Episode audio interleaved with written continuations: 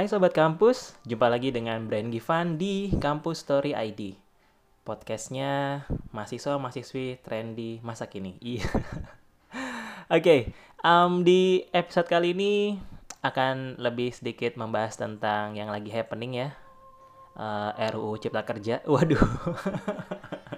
nggak, nggak, nggak, nggak. Uh, tapi lebih kepada kita mau uh, kulik sedikit tentang angka pengangguran yang tembus 10 juta. Waduh, banyak banget nih. Pandemi corona membuat angka pengangguran di Indonesia ya tembus sampai 10 juta. Namun uh, ada klarifikasi dari uh, menaker kita Bu Ida Fauzia bahwa sebenarnya bukan 10 juta, tapi gini konsepnya.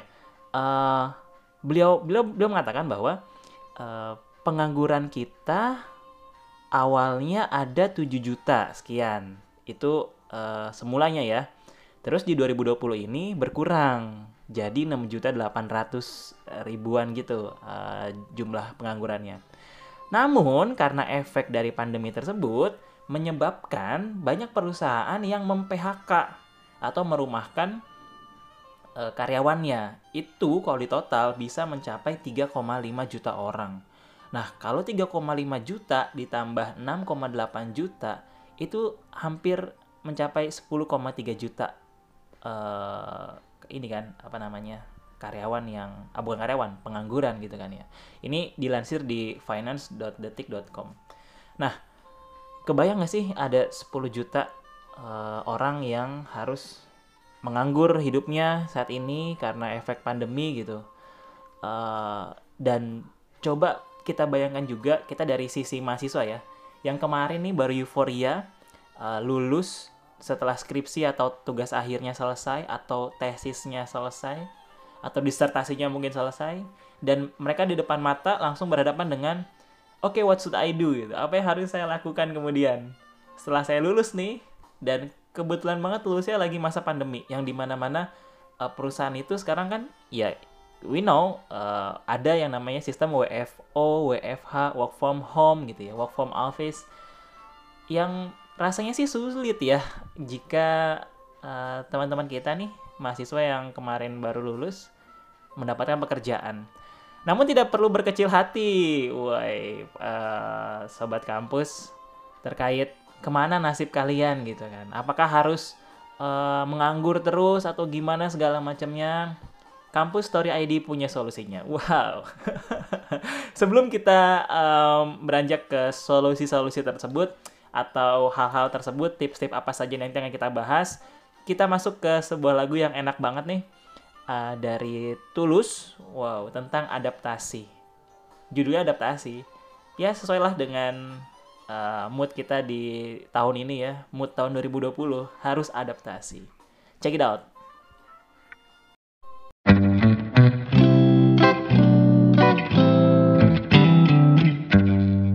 Berdiam di dalam rumah ini denganmu. Dari malam hingga malam lagi. Terkungkung langkah ragu tak ke mana-mana.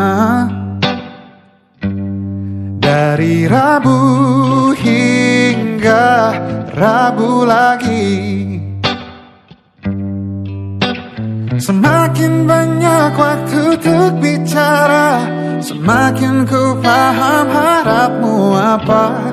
Semakin banyak waktu untuk bersama Bersyukur ku kau tuh jiwa raga. Bila ini belum ada Tetap kita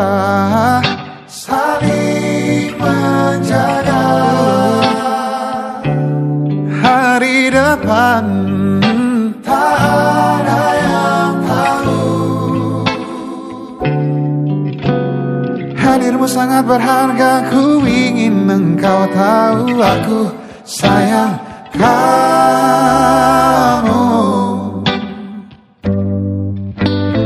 Hmm. Kita di bawah atap lindungan yang sama. Menunggu tenangnya langit pagi. Dari indah kerut wajahmu yang baru. Uh, Tenteram setia mengawalmu. Semakin banyak waktu bersamamu Semakin mahir ku menata rindu.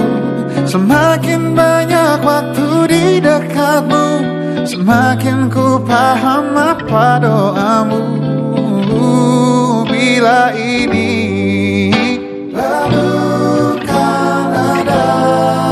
Oh tetap kita Saling menjaga.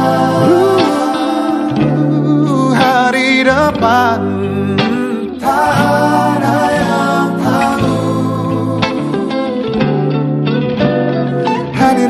berharga Ku ingin engkau tahu Aku sayang kamu.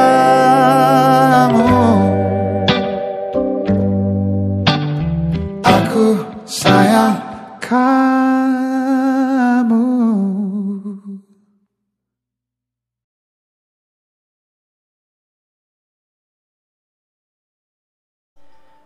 Tahu nggak sih sebenarnya sobat kampus bahwa di pandemi gini juga ada loh pekerjaan-pekerjaan yang laku.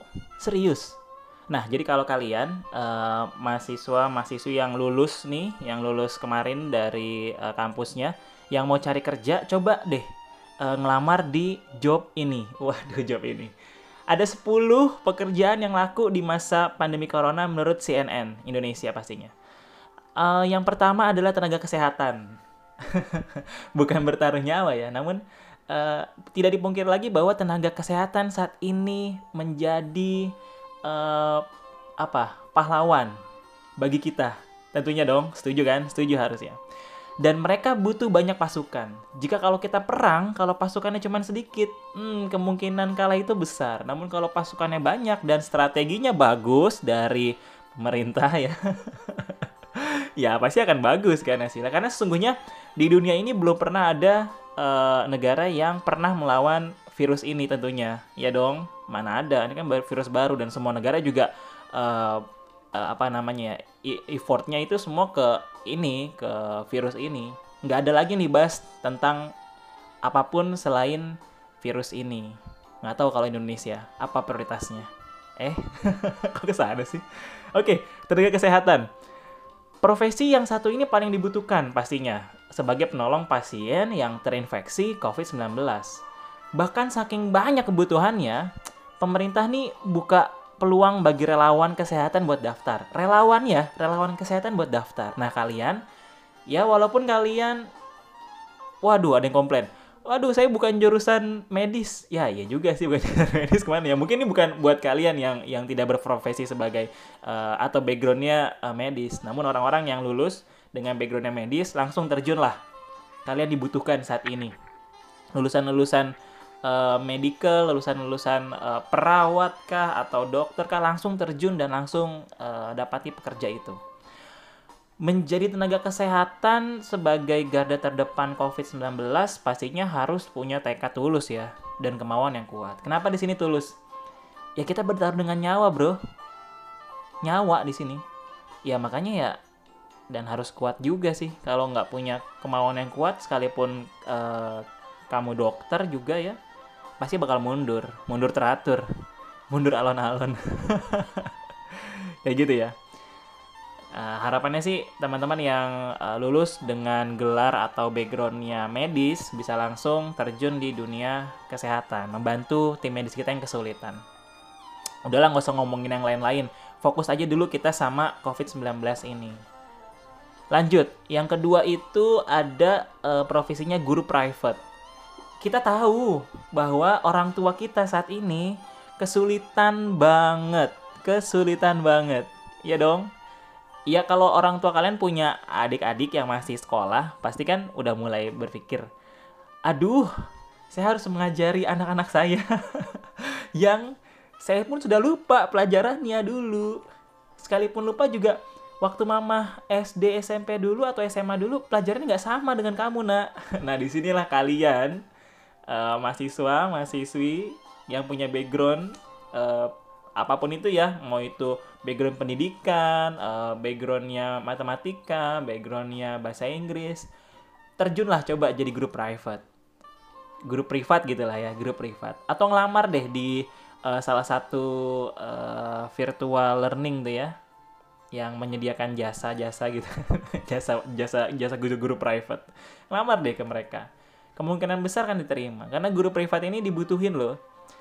Ya efek ya nggak gini nih coba deh kita kita berpikir bahwa uh, kemarin aja waktu kita jadi mahasiswa waktu kita belajar di masa pandemi dosen kita sebagian dosen kita uh, mengajarnya kan agak sulit gitu ya. Ya hanya virtual gitu kan agak sulit gitu maksudnya terpaku dengan jarak terpaku dengan ya segala macamnya lah teknis lah sifatnya teknis untuk untuk teknologi ini yang membuat guru privat tuh semakin mencuat adanya gitu. Sehingga orang tua berpikir ya udahlah, saya susah nih buat ngajar anak saya. Udah sewa aja guru privat. Wah, kalian akan dipanggil. Yo coba yang punya uh, bakat menjadi guru, wow, atau punya uh, skill-skill mengajar, coba deh apply jadi guru privat. Mungkin itu jalan kamu. Ya walaupun itu bukan tujuan kamu lulus uh, kuliah jadi guru privat ya, minimal itu bisa mendapatkan uh, pemasukan pemasukan atau uh, ya uang untuk kamu bertahan di masa pandemi ini. Yang ketiga menjadi seorang psikolog. Uh, walaupun harus punya modal juga ya jadi orang psikolog. Ya modal minimal kalian punya uh, tempat lah kan udah udah bisa mulai buka praktek gitu ya. Kalau psikolog lulusan psikolog, iya nggak sih? Oh itu harus nanya sama psikolognya langsung nih. Kalian bisa menjadi uh, pakar psikolog. Psikolog ini memiliki peran penting dalam memberikan solusi dan pendingin pikiran. Iya dong. Apalagi di situasi yang uh, apa sekarang ini banyak tekanan ya. Khawatir, cenderung khawatir bahwa uh, terserang COVID-19. Di tengah masifnya pemberitaan media tentang pasien corona yang terus bertambah, hal tersebut bagi sebagian orang menciptakan lemahnya psikis, sehingga mengakibatkan kondisi kesehatan juga ikut drop pastinya. Nah, di sinilah peran uh, psikolog penting ya. Uh, banyak juga sih ini orang-orang yang sudah mulai ke psikolog untuk konsultasi dan menghadapi hidup seperti apa. Wow. Selain itu kebosanan juga jadi uh, bosan di rumah gitu kan. Bosan di rumah juga bisa menjadi hal bagi orang-orang yang berkunjung ke psikolog. Jadi kalau sekalian nih lulusan uh, dengan background psikolog, udah mulai deh buka uh, background kalian itu atau keahlian kalian itu ke masyarakat. Tunjukkanlah bahwa kalian bisa memulihkan uh, atau menjadi pendingin bagi pikiran mereka. Yang keempat, tadi sudah tenaga tenaga kesehatan, terus udah juga psikolog, lalu juga tadi ada guru privat. Yang keempat ini ada kurir barang dan makanan. Wah, kalau kita bicara tentang kurir barang dan makanan pasti identik sama uh, itu ya uh, atau tuh Grab gitu, Gojek gitu. Yang dua ini yang bertahan kan. Atau misalnya kurir barang kayak JNE atau JNT atau apalagi tuh Express, Ninja segala macamnya. Nah, statistik belanja online itu meroket loh sejak pemerintah menghimbau masyarakat untuk tetap di rumah. Kalau gitu kan tandanya apa? Aktivitas belanja online semakin meninggi gitu ya, semakin semakin meningkat kita dipaksa untuk di rumah, nggak bisa ke mana-mana, namun uh, hasrat kita untuk belanja tetap ada dong pastinya. Iya, nah inilah yang membuat uh, banyaknya kurir barang ataupun kurir makanan naik daun seperti itu. Uh, membludak lah bahasanya gitu ya. Apalagi kalau misalkan nih kita di rumah, uh, entah yang mahasiswi ya, yang yang yang perempuan, karena kan uh, online shop itu didominasi oleh wanita. Walaupun tak ayal juga banyak juga laki-laki yang belanja di online shop. Uh, setiap kali uh, kita belanja itu pasti kan kurir-kurirnya itu orang orang-orang yang yang kayak kita kita juga gitu kan, orang kita kita juga. Di mana uh, mereka ini butuh loh ternyata mereka ini maksudnya si on, orang yang di rumah ya orang di rumah butuh loh untuk belanja dan butuh juga loh untuk makan yang ordernya delivery gitu pesan antar gitu kan. Nah, menjadi kurir barang atau kurir makanan bukan menjadi hal yang memalukan. Ini yang poin penting. Jangan malah berpikir, oh kamu lulusan sarjana masa jadi kurir barang, kurir makanan. Hey, ini lagi pandemi, mau jadi apa? Manajer? Perusahaan mana? ya stop lah berpikir seperti itu gitu. Nah, yang kita harus pikir adalah sekarang bagaimana cara kita bisa bertahan hidup, benar? Benar. Manfaatkan waktu yang kita bisa dengan background yang kita miliki kalau tadi ada yang backgroundnya sebagai uh, seorang medik, ya silahkan kalian jadi tenaga kesehatan, nakes gitu kan. Tapi kalau background yang lain, cobalah. Uh, ini menjadi opsi ya pilihan bukan saya menyarankan udah langsung daftar aja jadi uh, kurir barang atau makan ya enggak ini opsi aja pilihan buat kalian yang ingin mendapatkan uh, tambahan uh, uang di masa pandemi saat ini nggak salah kok jadi kurir barang atau kurir makanan selagi itu halal kan why not gitu kan sifatnya juga sementara. Yang yang mungkin yang mungkin bisa uh, minus adalah saat kalian berharap kalian akan menjadi kurir barang atau kurir makanan selamanya. Nah ini yang sebenarnya konsep atau mindset pemikiran seperti ini yang sebenarnya sih uh, jangan diteruskan lah. Karena kalian yang berprofesi atau sorry yang punya background uh, tadi ya mahasiswa atau sarjana atau diploma Eh, bisa lebih mengembangkan diri lagi. Menjadi uh, yang lebih baik lagi lah. Kalau buat sampingan boleh it's okay silahkan atau kalian bisa menjadi uh, orang yang membuat aplikasi tersebut. Oh keren juga ya. Oke okay, lanjut. Ada yang namanya staff e-commerce. Apalagi nih staff e-commerce? Staff e-commerce ini akan saya bahas setelah lagu kita yang satu ini yang sedang trendy BTS Dynamite. Cause I'm in the stars tonight. So watch me bring the fire, set the night light.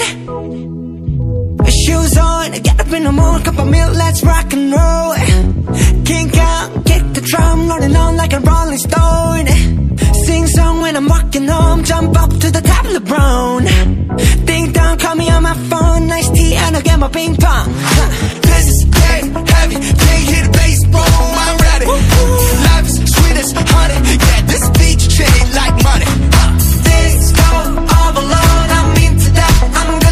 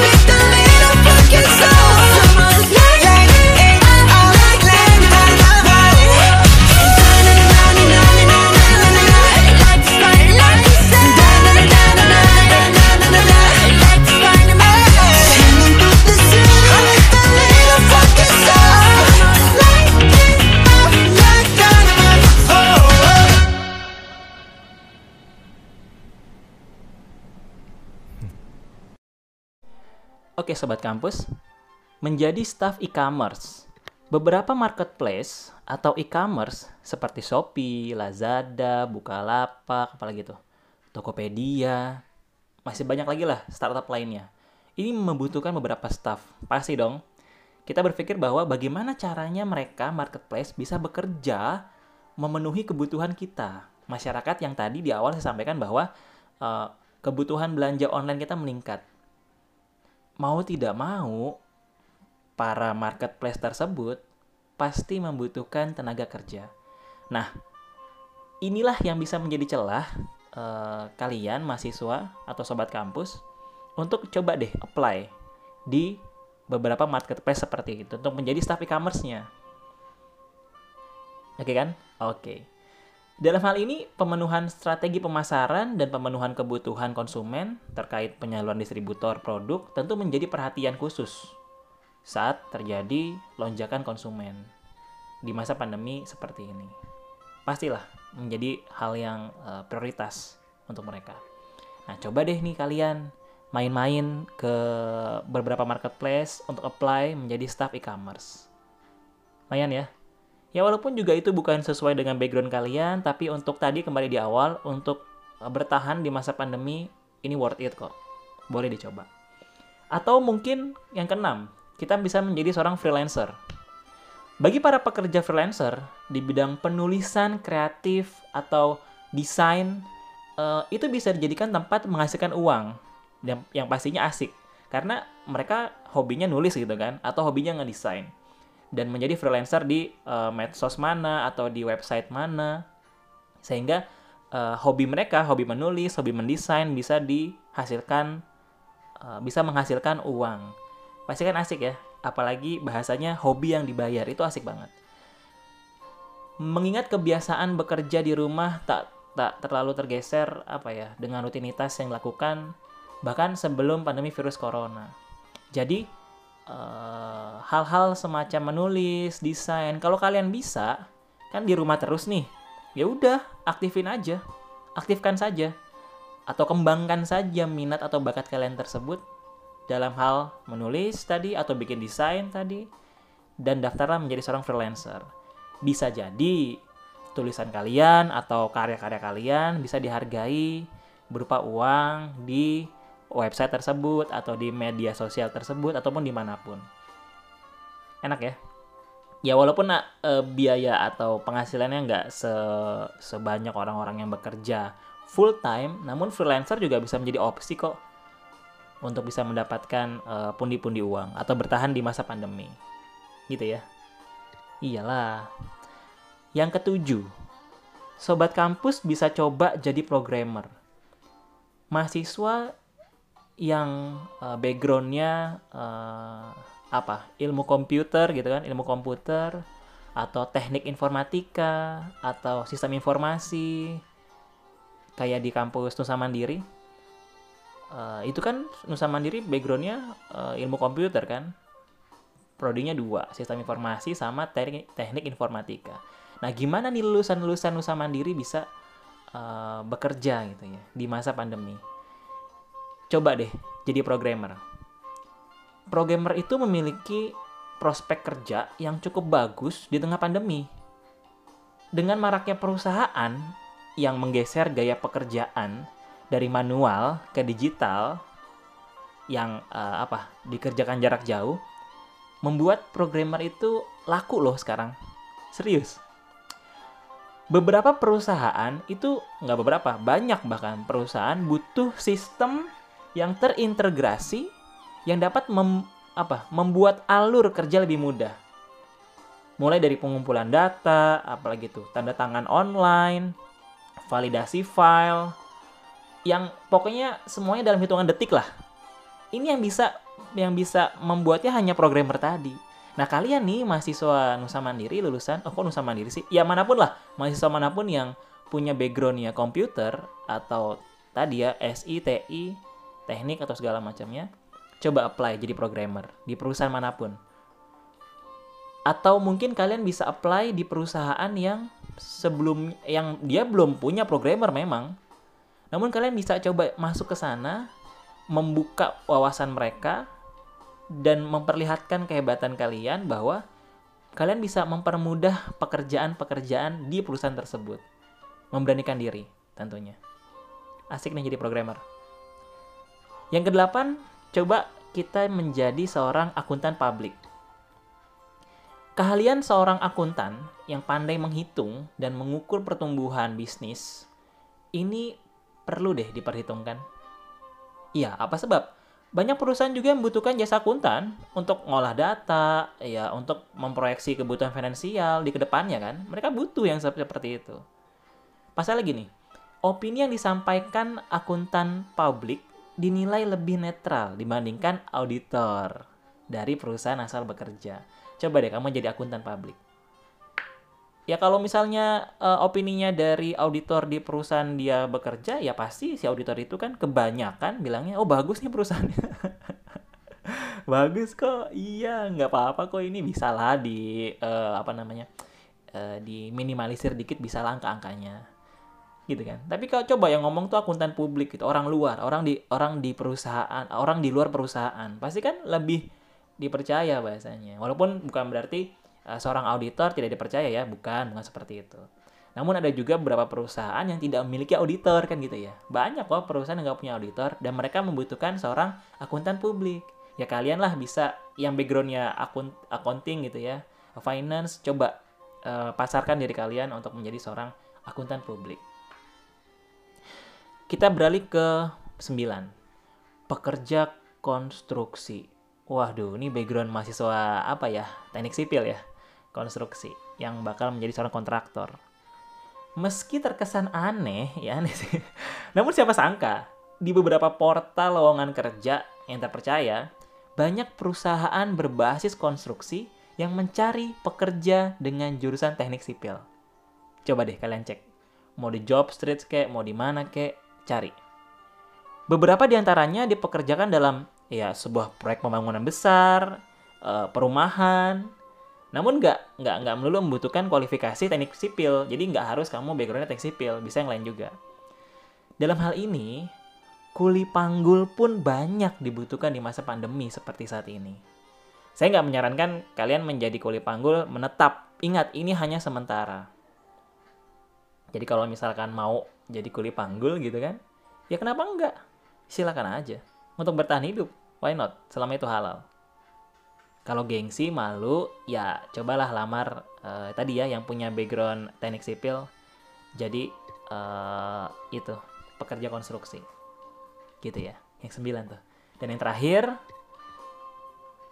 yang lagi happening juga uh, masker ya kenapa sih kalian nggak coba apply jadi uh, pembuat kain masker atau mungkin kalian bisa menjadi produsen ya produser uh, produsen uh, masker kain tadi kan Pokoknya sekarang lagi happening masker kain tiga lapis. Itu semua akan dibeli. Satu orang itu bisa punya stok 3 sampai 7 masker di rumahnya.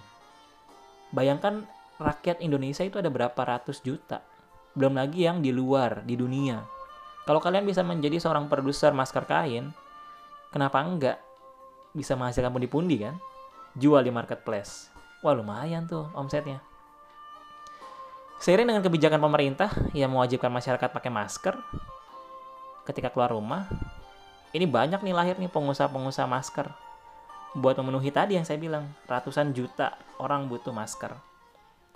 Bagi pencari kerja yang belum punya kualifikasi atau pengalaman kerja di bidangnya, yang belum juga dapat pekerjaan yang diinginkan, coba deh keberuntungan untuk memproduksi masker.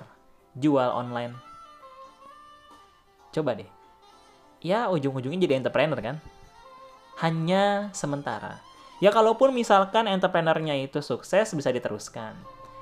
Konteks di awal tadi saya sampaikan bahwa ini 10 pekerjaan yang bisa kalian lakukan di masa pandemi. Kalau udah nggak masa pandemi, ya kalian cari lagi kerjaan yang lebih bagus. Itu intinya. Oke ya. Um, lagu terakhir untuk menutup sesi kita di episode 9 kali ini. Uh, lagu dari Billie Eilish, tau kan? My Future. Check it out. I can't seem to focus and you don't seem to notice I'm not here I'm just a mirror You check your complexion to find your reflections all alone.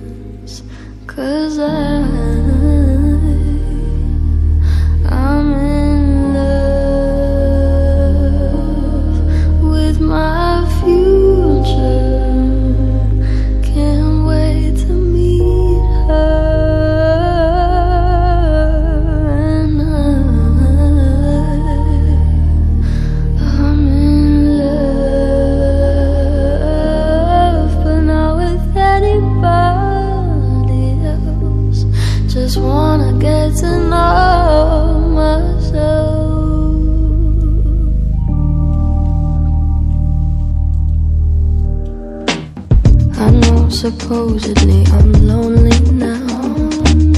No, I'm supposed to be unhappy without someone.